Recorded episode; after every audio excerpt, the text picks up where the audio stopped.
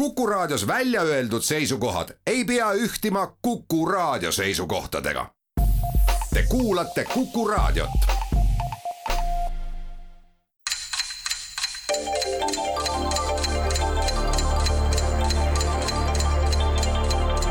tarkade klubi targemaid küsijaid toetab lisateadmistega Postimehe raamatukirjastus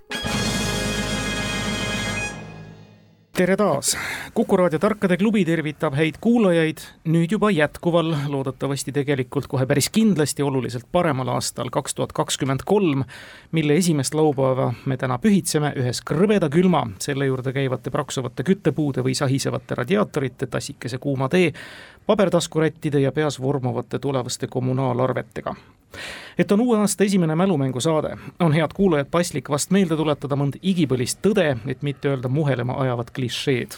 näiteks seda, et aastaarv on üks püha fakt.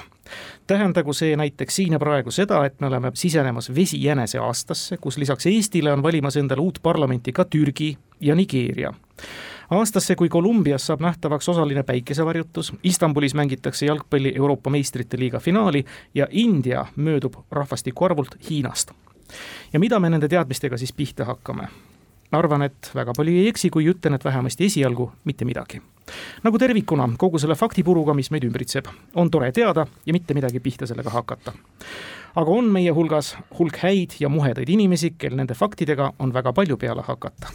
Neid realiseerida sellisel moel, mis ühel hetkel kulda, karda, tuntust ja austust toovad. Need on mõistagi mälumängusõbrad, kes selle hobi endale vähe tõsisemalt viljeleda võtnud ja selles distsipliinis ka Eesti paremikku tõusnud head kuulajad, täna on see haruldaselt tore päev.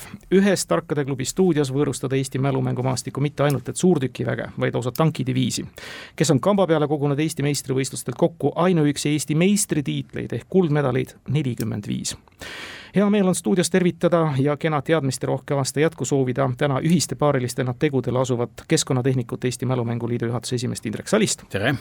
ja käsipalju ning mälumängumajstrat Jevgeni Nurmlat tervist! olgu öeldud, et nimetatud neljakümne viiest kuldmedalist seitse on Jevgeni käsipallikullad. ja nõks nooremate meestena asuvad maestradele vastu Jõgevamaa gümnaasiumi koolmeister, hinnatud küsija kõikvõimalikes meediumides ja žanrites Tiit Naarits. tere! ja meie tänane ainsa põhiseadusliku institutsiooni esindajana Illar Tõnisson. tere! Virumaa mees. olgu ka öeldud, et kõik meie tänased neli mängijat on risti-rästi kas üksteisega paaris või vähemasti ühises võistkonnas mänginud ja tunnevad teineteist suurepäraselt, nagu ilmselt varsti veendudagi võite. aga kümme küsimust, mis on ette valmistatud Kivimäe kooli ajaloo ja ühiskonnaõpetuse õpetajalt Margus Pillault, raadiokuulajatelt Enno Sivadilt, Taavi Paelt ja Hindrek Lootuselt, neid nad veel ei tea. tänase mängu teemad on Slava Ukraini, kultuur, loodus, geograafia ja vaaria alustame ja anname avavaliku õiguse täna, nagu öeldud, nõks vanematele meestele. Indrekule ja Jevgenile, palun. nõks või? nõks see on hästi öeldud. no võtame geograafia ühe. võtame. geograafia, kui meie eestlased mõnikord meile omaselt konstruktiivselt eneseiroonilised oleme, võime me enda riiki ka kartulivabariigiks kutsuda noor autor Helena Koch andis kaks aastat tagasi välja isegi raamatu, mis koguni pealkirja Kartuli kuningriik kannab aga see on juba teisel teemal. meie küsimus keskendub aga mõistest banaanivabariik, lähtuvalt ühele vabariikliku korraldusega suveräänsele riigile, mille nii vapil kui lipul, mille pealt osama vapp figureerib, on kujutatud banaanid.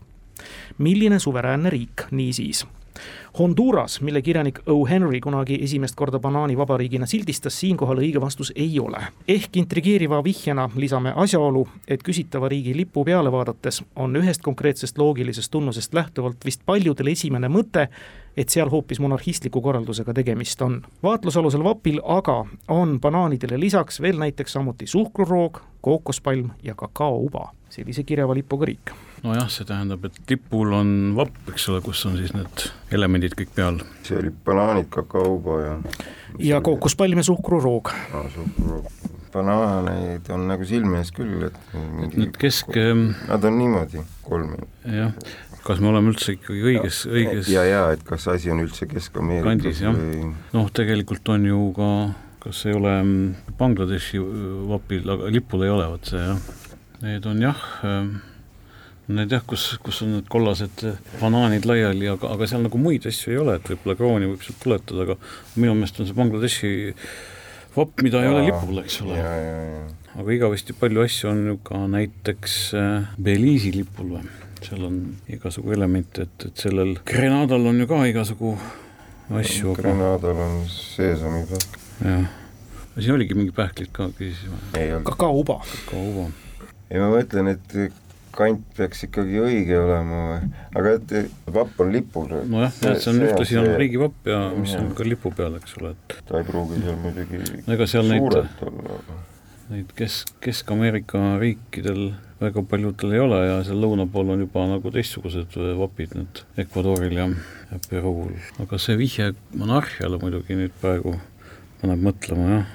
ei nüüd seal peaks nagu olema siis mingi kroonikujutis midagi taolist või? nojah, ilmselt, ilmselt. ma kardan, miks ta küsib, ta küsib, kas, et kas me oleme rabas sellega, et see on Kesk-Ameerika või üldse Kariibid või no kuigi kõik asjad, suhkruroog, banaanid, kakauva, noh, peaks idee järgi ikkagi olema selles piirkonnas. suhkruroog ka, jah no mina ei tea, esimene mõte, eks ole, ja, ja, ja ei ole paremat tulnud, et on ikkagi see Belize. nojah Belize, Vana-Briti, Honduras ei ole kahjuks õige vastus mm., seal on tõesti väga kirev lipp, Machete Gamese, kes seal kõik veel figureerib, aga ei ole see. Illar ja Tiit.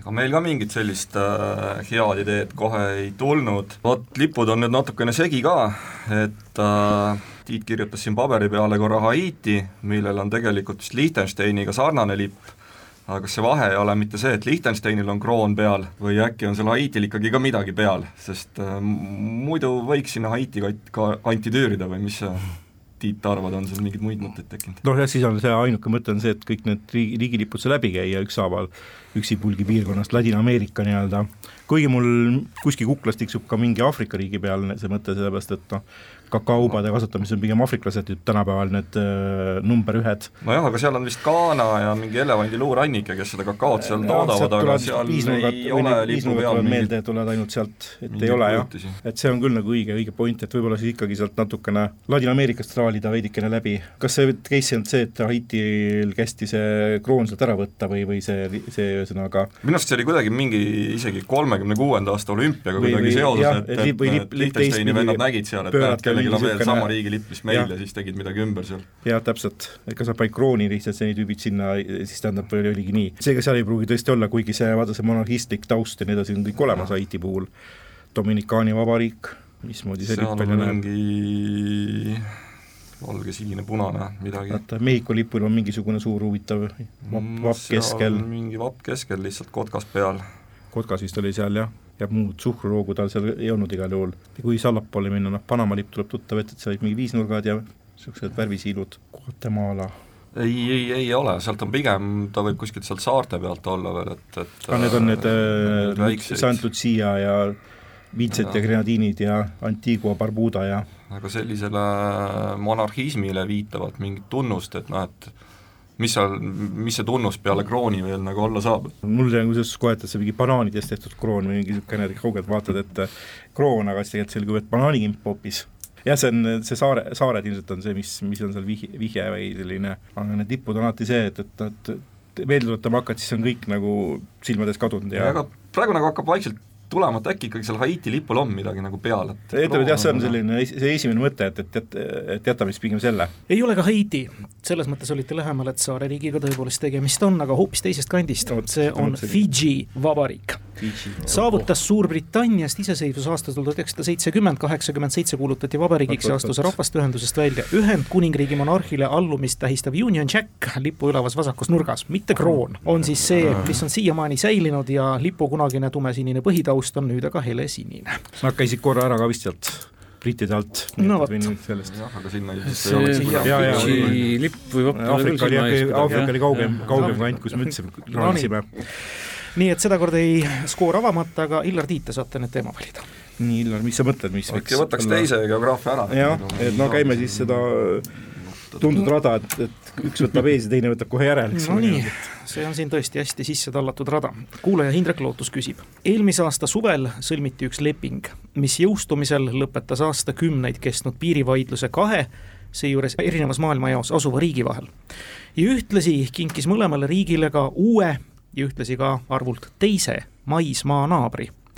Vaidlus puudutas üht territooriumi, mis lõpuks siis ühise kokkuleppe tulemusena jaotati enam-vähem pooleks ja ühtlasi tekkis ka territooriumile ühe koma kolme kilomeetrine maismaapiir, mis on omataoliste hulgas maailma lühiduselt kolmas.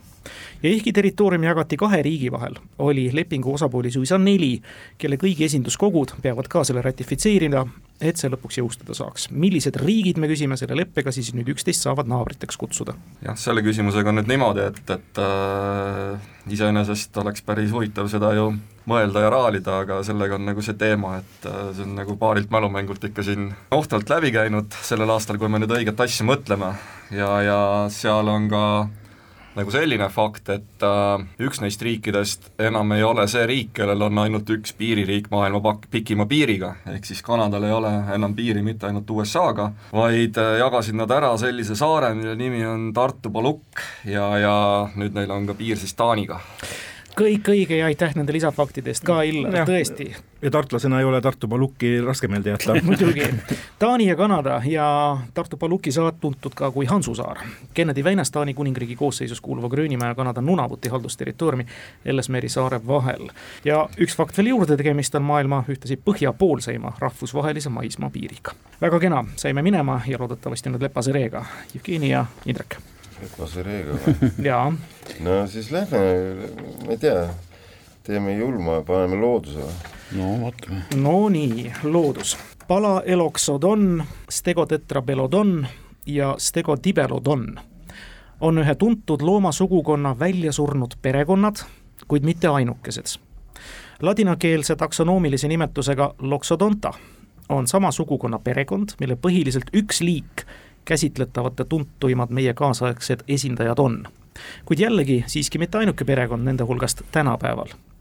poole aasta pärast suvel saab nelikümmend viis aastat, kui Inglismaal Chesteri loomaaias sündis ja elas kümnepäevaseks Loxodonta ja vihjatud teise piirkonna esindaja omavaheline hübriid nimega Moti. loomakese pärilik tervis oli ometi nõrguke, nabaväedi põletikust tuleneva sepsisega ta niisiis kaua vastu ei pidanud. me küsime, milline loomasugukond kui mainitud, said välja surnud liigid või perekonnad ja nad on siis ladinakeelse taksonoomilise nimetusega Loxodonta sugukonna perekond, kes siis täpsemalt. ja siis nelikümmend viis aastat möödub ka hetkest, kui Chesteri loomaaias sündis elas kümnepäevaseks üks hübriid, Loxodonta ja teise perekonna hübriid hmm..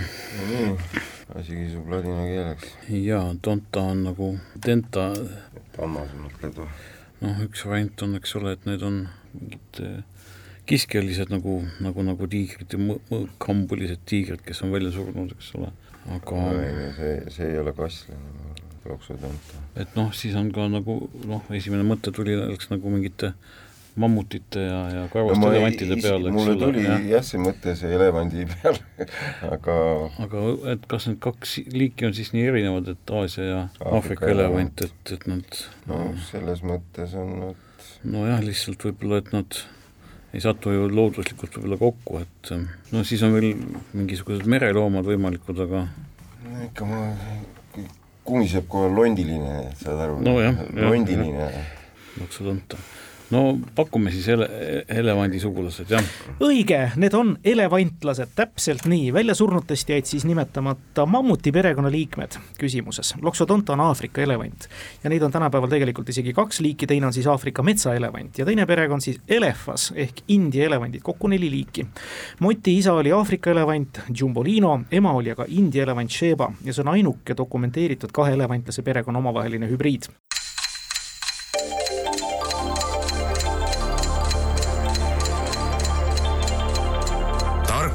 Klubi. targemaid küsijaid toetab lisateadmistega Postimehe raamatukirjastus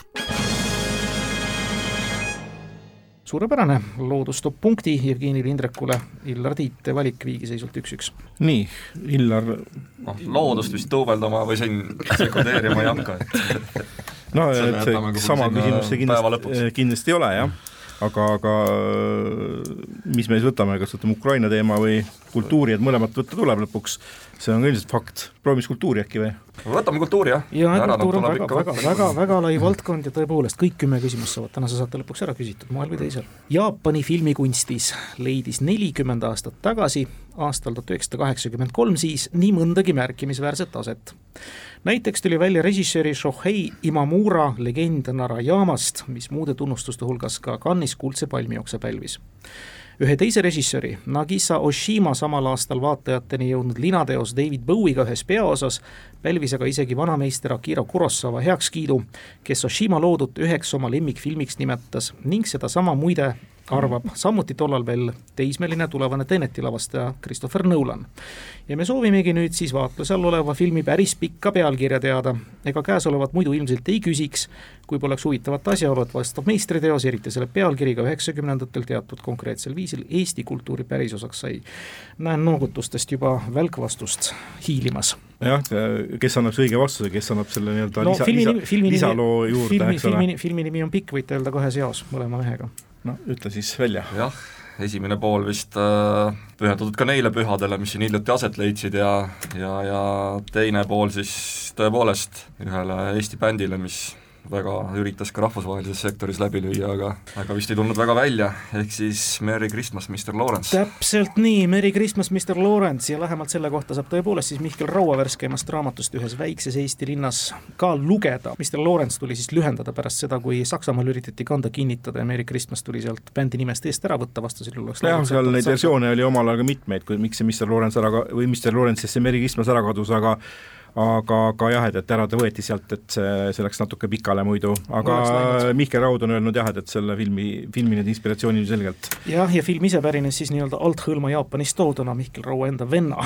tuntud jaapanoloogi Rein Raua poolt. No.. suurepärased teadmised, kaks on punkte Illaril ja Tiidul ning üks Jevgenil Indrekul, kes saavad nüüd valida. aga võib-olla kultuur on okei. Okay,, võtame teise kultuuri. nii, ja teine kultuur. Nagu kõik stuudios viibijad teavad, oli erinevate muusikakollektiivide avaliku esinemise eelduseks, et mitte öelda kohustuseks Eesti NSV-s regulaarne tarifitseerimine see määras lisaks kõigele muule ka kollektiivide õiguse nõutada avalikelt esinemistelt miinimumsummat. millist täpselt, seda määras juba esinemiskategooria, milliseid jaotas tarifitseerimiskomisjon, kelle ees ansamblid teatud regulaarsusega üles astusid. ja kõigil nendel toimunud tarifitseerimistel oli pea kõigi erinevate ja ka tõesti väga erinevate žanrite ansamblite peale üks enim esitatud lugusid Olen mees, kes merest jagu saab. Mis põhjusel? sel samal põhjusel kostus keskmiselt tihedamini ka tarifitseerimiskomisjoni ees lugusid See on hea, Sügise leegia ja Sind otsin mul üks mõte siin on jah. ära märgi. ma olen ise käinud ka kunagi mingisuguses, mitte ise mängimas, aga, aga tollases Tombi kultuuripalees, kus olid äh, mingid tarifitseerimise komisjonile mängiti need äh, bändid ette seal, noh näiteks oli seal, ma käisin nagu vaatamas, see oli vist nagu pooltasuta või, või kuidagi nii igatahes ansambel Hübriid on mulle sealt meelde jäänud, et ja noh, oli niisuguseid päris tuntud bände ka, kes seal pidid läbi käima, aga aga see, et miks just sellised lood, mis ei ole nagu võib-olla nii väga tuntud siin Eesti levimuusika ajaloos ehm, kuldsete tähtedega raiutud, eks ole, et kõik neid teaksid, et pigem võis olla see nii-öelda tingitud sellest, et, et tarifitseerimiskomisjoni esimehele need meeldiksid ja need olid nagu tema, tema tehtud, et minu meelest alati oli seal ees, oli härrasmees nimega Felix Mandre. hiilgav vastus suurepäraste mälestustega. kes meremöllust jagu saab. me kuulame siin väikest versiooni ka sellest samast laulust, nagu juba siis professionaalse Kalmer Tõnnossaare esituses. tõepoolest, Felix Mandre oli tarifitseerimiskomisjoni esimese nimetatud lugude helilooja. seegi fakt pärineb meil raamatust ühest väiksest Eesti linnast, ehk siis Mihkel Raua memuaaridest. aga nagu ennustatud sai, Leps Reega poole mängu peal kaks-kaks, suurepärane. ja nüüd on siis taas Illari Tiidu kord valida. ja vaatame, mis Ukrainas toimub vaatame jah, nii tuleb ära võtta see teema kunagi. lootuses, et see sõda Ukrainale sobivatel tingimustel võidukalt sel aastal läbi saaks. ühes ligemale kuu aega tagasi küsitud mängudest või peetud mängudest küsisime antud teemarubriigis Ukraina linna, mille nimi ühe levinuima versiooni järgi moslemite sagedaimast isikunimest Muhamed tuletatud on ja õige vastusena kõlas mäletatavasti Bahmut. täna tahame aga teada, milline aastal tuhat kaheksasada kaheksakümmend üheksa tollasesse Hersoni kubermangu kuulunud Odessa lähedal sündinud kuulus kirjanik on kõikjal tuntud pseudonüümi järgi. pseudonüümi, mille ta ühe oma emapoolse vanaisa neljateistkümnendal sajandil elanud Ordu khaanist väidetava esivanema nime kasutades võttis Öelge niisiis selle Volga alamjooksul ja Kalmõkkia steppides valitsenud siis islamiusku khaani nimi või vaatluse all oleva kirjaniku varjunimi, mis elu teisel poolel talle ka ametlikuks perekonnanimeks sai. sünnijärgselt oli küsitav Horenko. neljateistkümnenda sajandi kaan.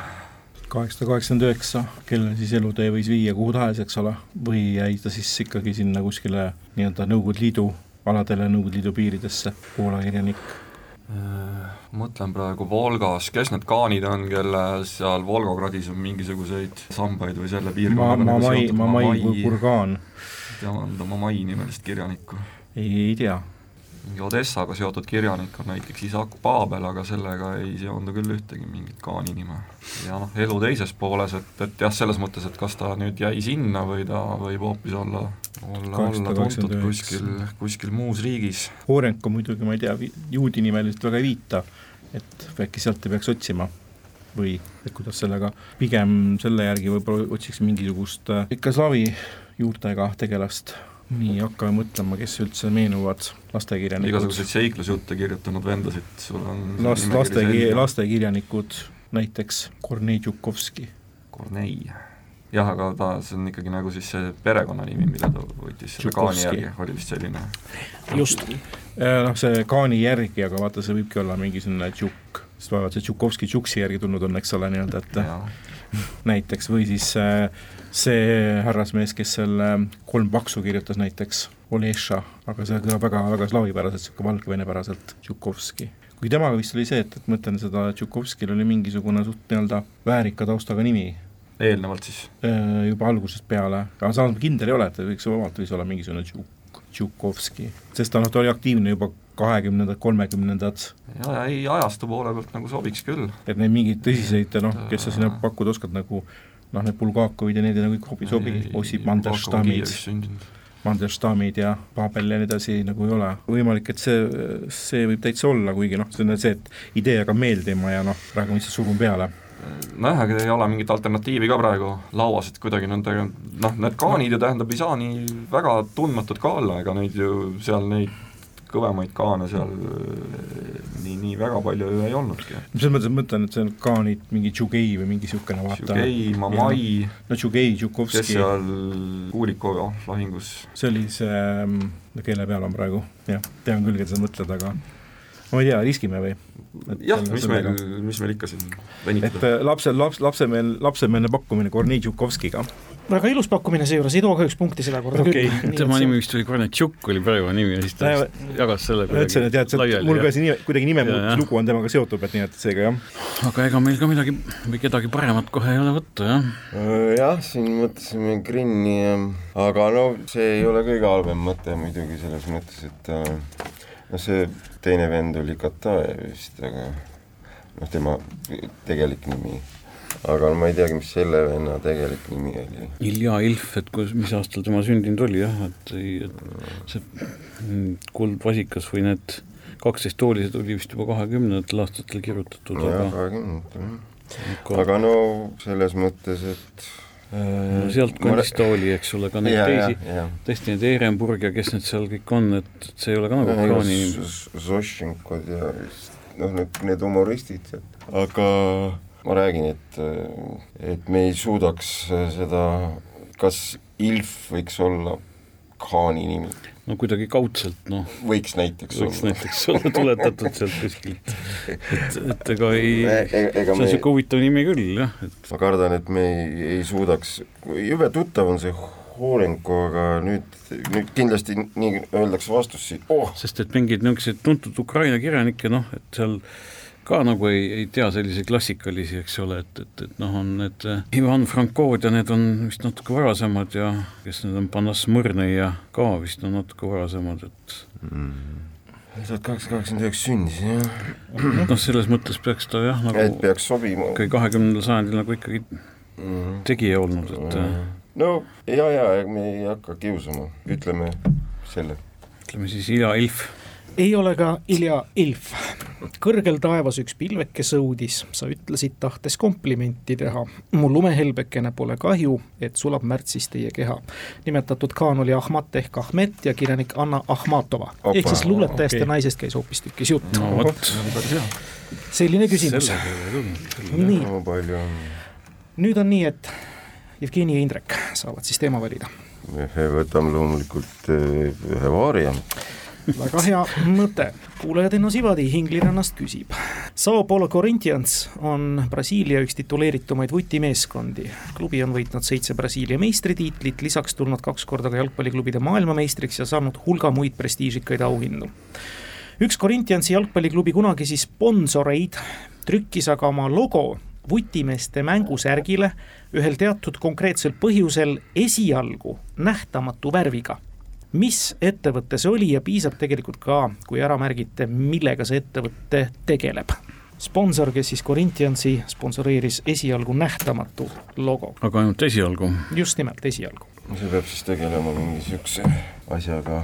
mida ei ole ilus näidata avalikult. või on noh, mingi seoses tehnikaga mingi, et, et ta tuleb kuidagi nähtavaks siis, kui teatud aga nagu võib aru saada, et hiljem see logo oli küll näha, et, et mm -hmm. selles mõttes noh, kui ma ei tea, kas siis näiteks seadus muutus ja, ja, ja alkoholi Aa, või, või suitsu ja, reklaamid võisid olla, eks ja, ole, midagi seda, seda tüüpi asi, aga aga no need on hiljem rangemaks läinud ju, need alkoholi pigem sedapidi jah, et mitte vastupidi, jah. nojah, et firma nime täpselt polegi vaja, et lihtsalt millega tegevusvaldkond, jah mm. -hmm. No see on tõepoolest vaja küsimus. -hmm.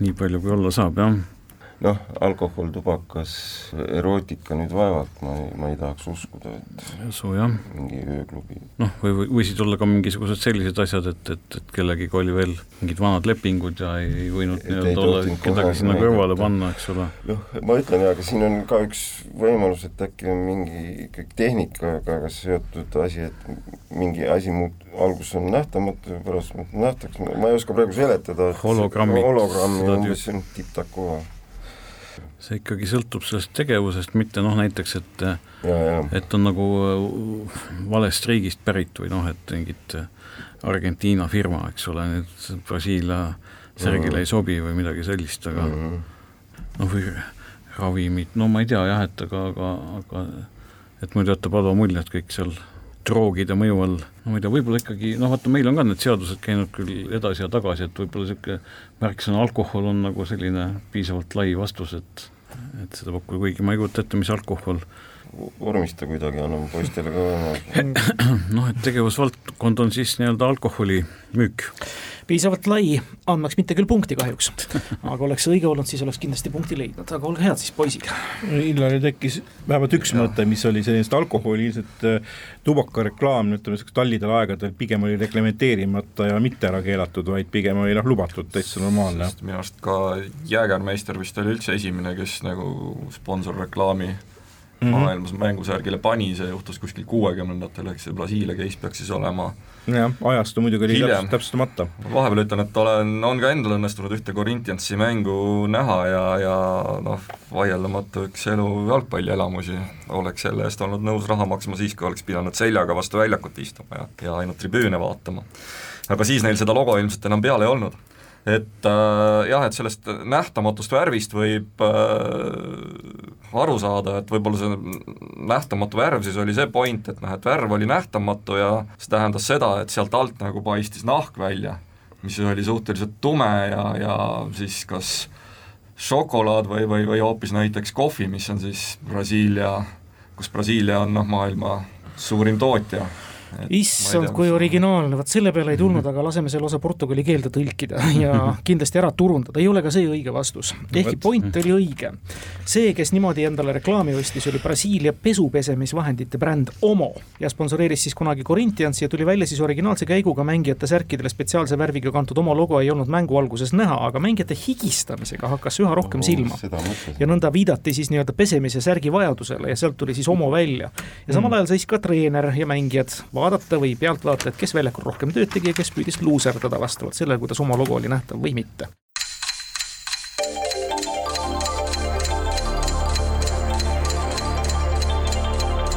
tarkade klubi targemaid küsijaid toetab lisateadmistega Postimehe raamatukirjastus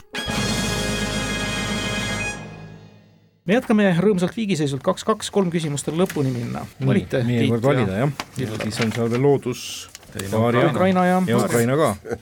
äkki teine Ukraina on parem või? no katsetame. no nii, täiesti fakti küsimus. kõige pikem maismaapiir, kaks tuhat kakssada üheksakümmend viis kilomeetrit on Ukrainal riigiga, mida kõik teavad ja mille nime me siinkohal välja ei ütle millised riigid aga antud arvestuses on teisel ja kolmandal kohal, ehk siis Ukraina naabrid maismaapiiri järgi, vastavalt siis tuhat kakssada kakskümmend kaks ja tuhat kaheksakümmend neli kilomeetrit. Teie vastuste pakkumise hindamisel on ainult suveräänsete riikide rahvusvaheliselt tunnustatud piirid mõistagi aluseks. kaks õiget õiges järjekorras annab täispunkti. Ungari peaks teine olema või? jah, aga mulle tundus nagu kas kas Slovakkia või Ungariga on ainult mingisugune väike, väike jupp, siis Moldovaga ma kahtleks, et see tuhat kilomeetrit sealt välja annab. vist mitte, jah. Valgevene ja Valge... Poola jäävad üle. jah, no Valgevenega on ikka pikalt-pikalt üle tuhande kahesaja ta ei saa olla ja, ja, ja tuhat on siis teine, oota, ega midagi kahe silma vahele nüüd ei jäänud, eks. noh, Rumeenia saab olla veel, Moldova. no ei, Moldovat ei, see riik Ungari. ei ole üldse nagu tuhat kilomeetrit pikk, ma arvan. no, no Ungariga ka ikkagi tuhandet vist sealt äh, nurgast ei võlu nagu kuidagi välja. no jah, kui mõtlema hakata, siis ta on seal pigem ikka seal jah, suht vähe. no ütleme, et Valgevene peaks siis ikkagi esimene olema. ilmselt küll, jah. aga mis me teiseks paneme? seal jah, mingi konks, konks selles mõttes on, et, et äh, kuidagi ei kujuta ette praegu endale täpselt sada protsenti seda asja. mul nagu kuidagi see Ungari värk oleks nagu läbi käinud kuskil, et nagu mingisugune, et ahhaa teadmine, aga see võib olla täiesti mingi eksitav, jah, et noh, eksitav kuskilt, eks ole. et kui see Valgevene ja Poola oleks, siis noh, kas on nagu pointi küsida? et kas et selles mõttes ongi kas, kas mitte seoses selle Mr Orbaniga ei ole seal ühte lugu seda räägitud, et näe, kus, vaata kus. no paneme siis Valgevene ja Ungari. no pane, katsetame. kuulame teid ka ma jätan selle vastuse praegu õhku mis, me õhku jätame ei no eks see, no Slovakkia on kõige väiksem, see on selge mm. -hmm. et Tšehhi ei ulatu üldse? no selge see, et Valgevene on õige, noh. nojah, teine kipub ikkagi, kipuks pakkuma Poola pigem kui Rumeenia, eks ole, aga, aga nojah, vaata, nüüd ongi, no saad aru, praegu on esitatud lihtne küsimus, on ju. no just no,. idee järgi. ja nüüd poisid panid, mis nad panid, Valgevene ja Ungari. arvasid, et konks on sees, on ju kui me paneme Valgevene, Poola, no üks nendest peab õige olema, noh Poola või Ungari. ei no kolmas variant on ka Rumeenia on olemas ka variant, aga, aga ma seda pigem ei usu, sest et sealt üks jupp on seal, Rumeenia piir on ju seal Moldovaga ja siis on veel sealt mere äärest, et kas sealt tuleb tuhandet kilomeetrit kokku, et pigem vist mitte. pigem siis jah, Valgevene ja Poola, jah. saatejuht Salomon otsustab mõlemale pool punkti anda Valgevene eest.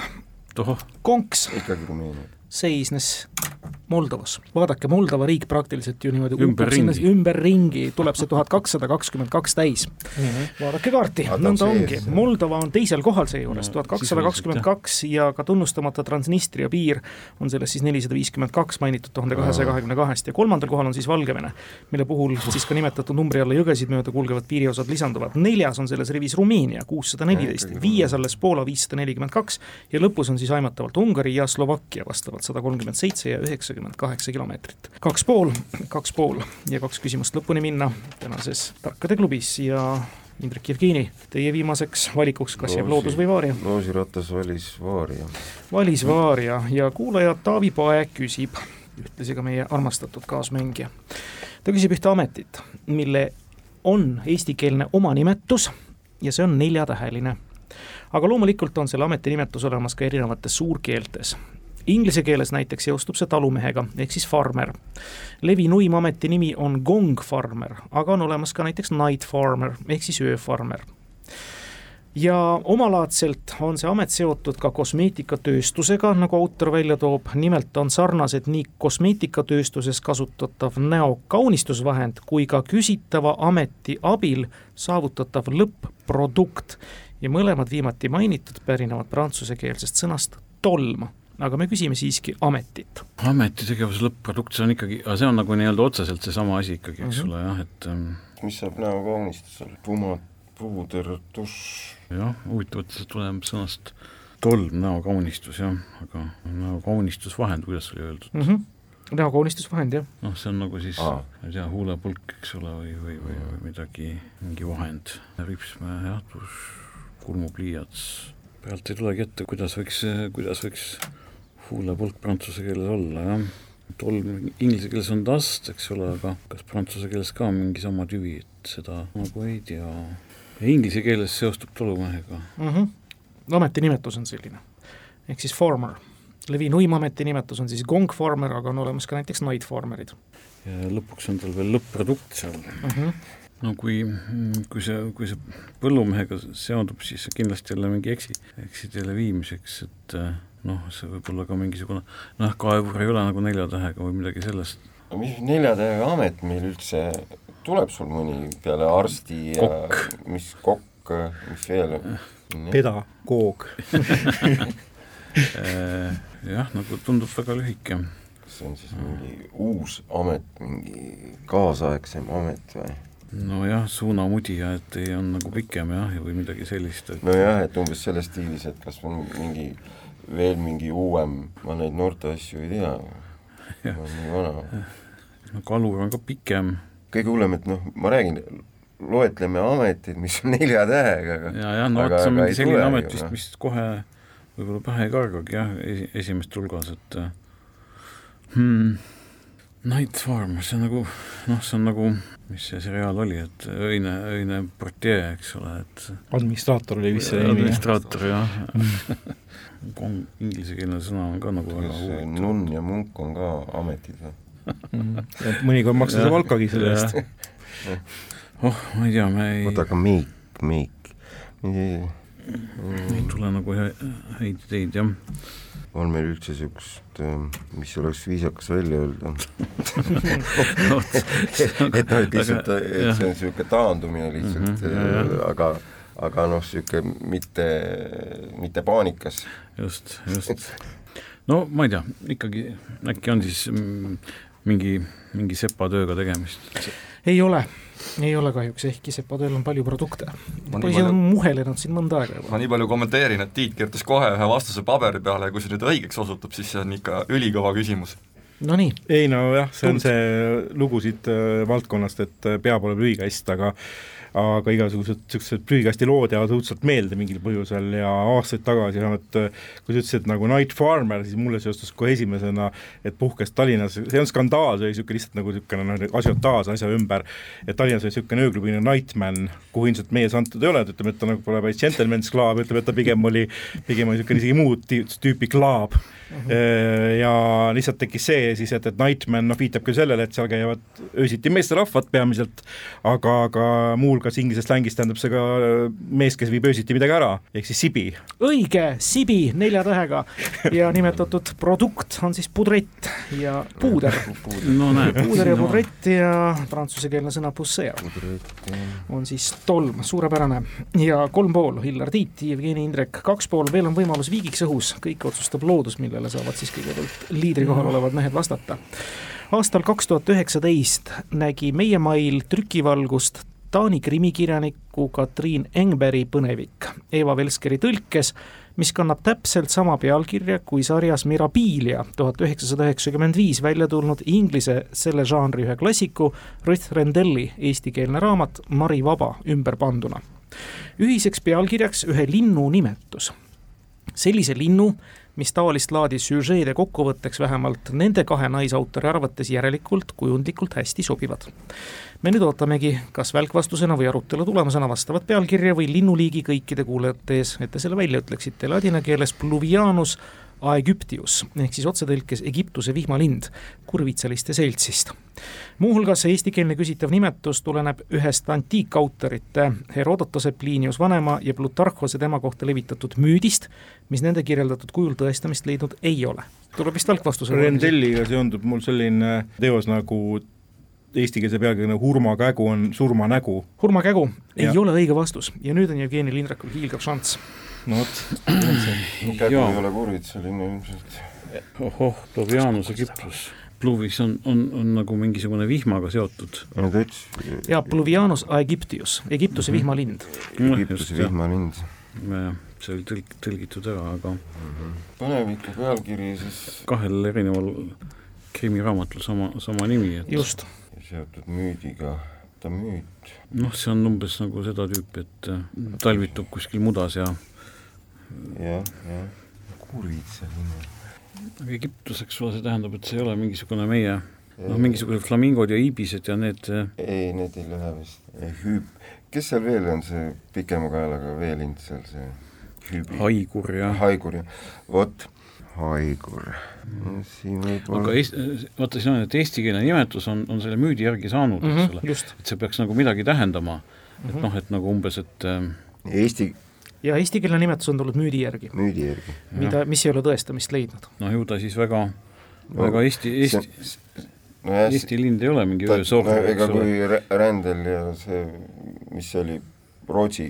Engberg, Enberi, no näiteks Rukkirääk on ka kuritseline, aga ma ei usu, et nad Rukkirääk nimeks panid raamatule. jaa, ja Kurkirk on teine nimi, on vist Kreks Kreks või midagi sellist, eks ole. aga et see, mis krimiga nagu seondub, see nagu võiks pigem olla mingisugused äh, halvaendelised öökullide huikamised ja sellised asjad, aga aga see ei lähe ka sinnakanti. Ja see müüt on siis, vot see müüt, eks ole, et Eest-, et noh, mis lind see saab olla, eks ole, et, et, et mudalind või, või fööniks tõuseb tuhast, aga vot ei tule raamatu nimetus ka ette, et see no, Mirabiles on ikkagi väga hõbevaigur näiteks võib-olla, ilus on raamatu pealkiri.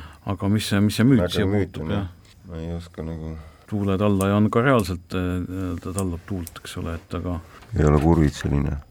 nojah äh,, ei, see ei sobi nagu niikuinii ka jah, kurvitselisi on päris palju, eks ole, et on need. noh, et ühesõnaga jah, et on nagu peetud vajalikuks seda eesti keelde tõlkida, eks ole, et, et, et, et aga, aga nagu jah, ühtegi sellist äh, mingisuguse tegevusega seonduvat asja see müüdi kohta ei oska linnu nimesse sisse sättida kohe, jah. no idee järgi, kas No umbes nagu- paha, pahaendeline no ilmselt küll jah, et, et äh, öölind, pahaendelist kuritsat meil kõik on hea, heatahtlikud sellised jah. heatahtlikud kuritselised on need. no aga kõik need igasugu kuskil, kes need seal ähm, noh, vaata mudas käivad, eks ole, mingid ähm, veelinnud, kahlajad, need on ju ka kurvitselised vist, eks ole, et äh, osaliselt jah. mudad ildrid ja, ja, ja värgid, eks ole, et võib-olla sealt midagi naaskelnokk äh, äkki king, kingnokk, jah. kingnokk jah, Flamingo ei saa vist ka olla, eks ole, flamingo. see on keegi, mingi te, teist tüüpi linnud ja nojah, et äh, eks me peame midagi siis nüüd siis ma, ma ütlen, ütlema. hõbevaigur. ei ole kahjuks õige vastus, lõpetate täna kahe ja poole punkti peal. see lind on krokodillilind. jaa. ekslik müüt, et see lind krokodillide hambavahesid toiduainestest puhastab. tegelikult võivad mõnikord kõige rohkem krokodillidele keha või koonupiirkonnast ainult seal lendlevaid raipekärbseid needsamad linnud jahtida.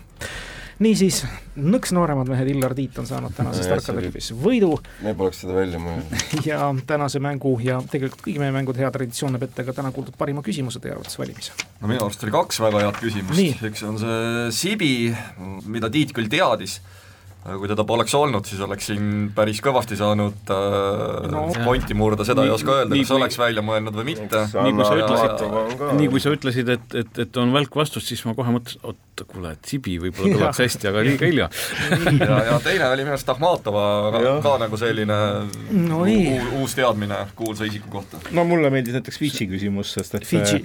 äh, absoluutselt ei jõudnud, jõudnud sea, sealt äh, ku- ära, kus oleks pidanud jõudma ära. seda ei, ei oleks välja mõelnud. No nii, aga siis ütleme Taavi Paele suur aitäh ja läkitame talle ühe auhinnaraamatuga siitpoolt teele Margus Pilloost ja tema küsimustest rääkimata, kelle hulka kuulus siis ka Ahmatova. suur tänu, Tiit Illar, tänase toreda esimese laupäeva eest, Jaan Riguus, aitäh, Jevgeni, aitäh, Indrek, tänasesse saatesse tulemast, kuulmiseni! hoolega hoitud auhinnad toob kohale Smartpost Itella. lõpetame saate nagu ikka kuulajamänguga. Eelmisel laupäeval lõpetas saate küsimus, kus tahtsime teada kellegi kohta, kelle karjäär arenes pööraselt.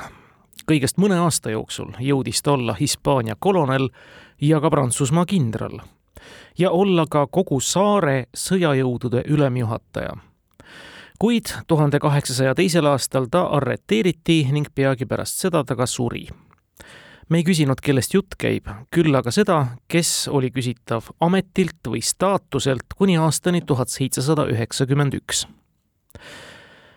ja nagu ka paljud head vastajad teadsid, käis jutt Haiti vabadusvõitlejast, kireva elukäiguga mehest Toussaint Louverture'ist.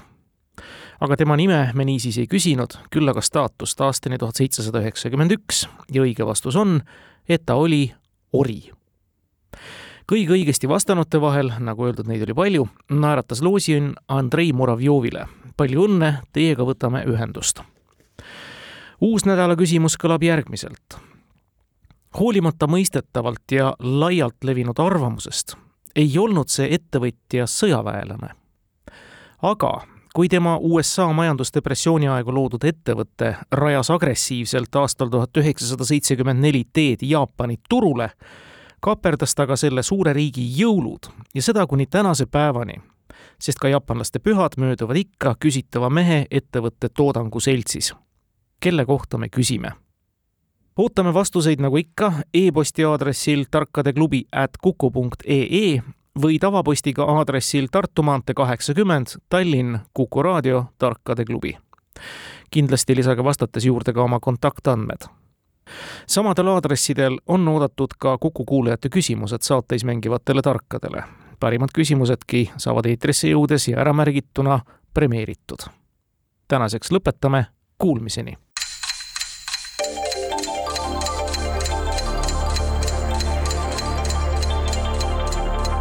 tarkade klubi. targemaid küsijaid toetab lisateadmistega Postimehe raamatukirjastus